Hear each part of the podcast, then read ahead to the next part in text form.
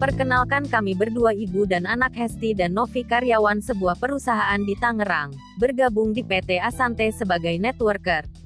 Apa itu networker pelaku bisnis dan saya menjalankan bisnisnya tidak mengganggu aktivitas karena dilakukan setelah jam kerja yaitu memaksimalkan waktu di malam hari.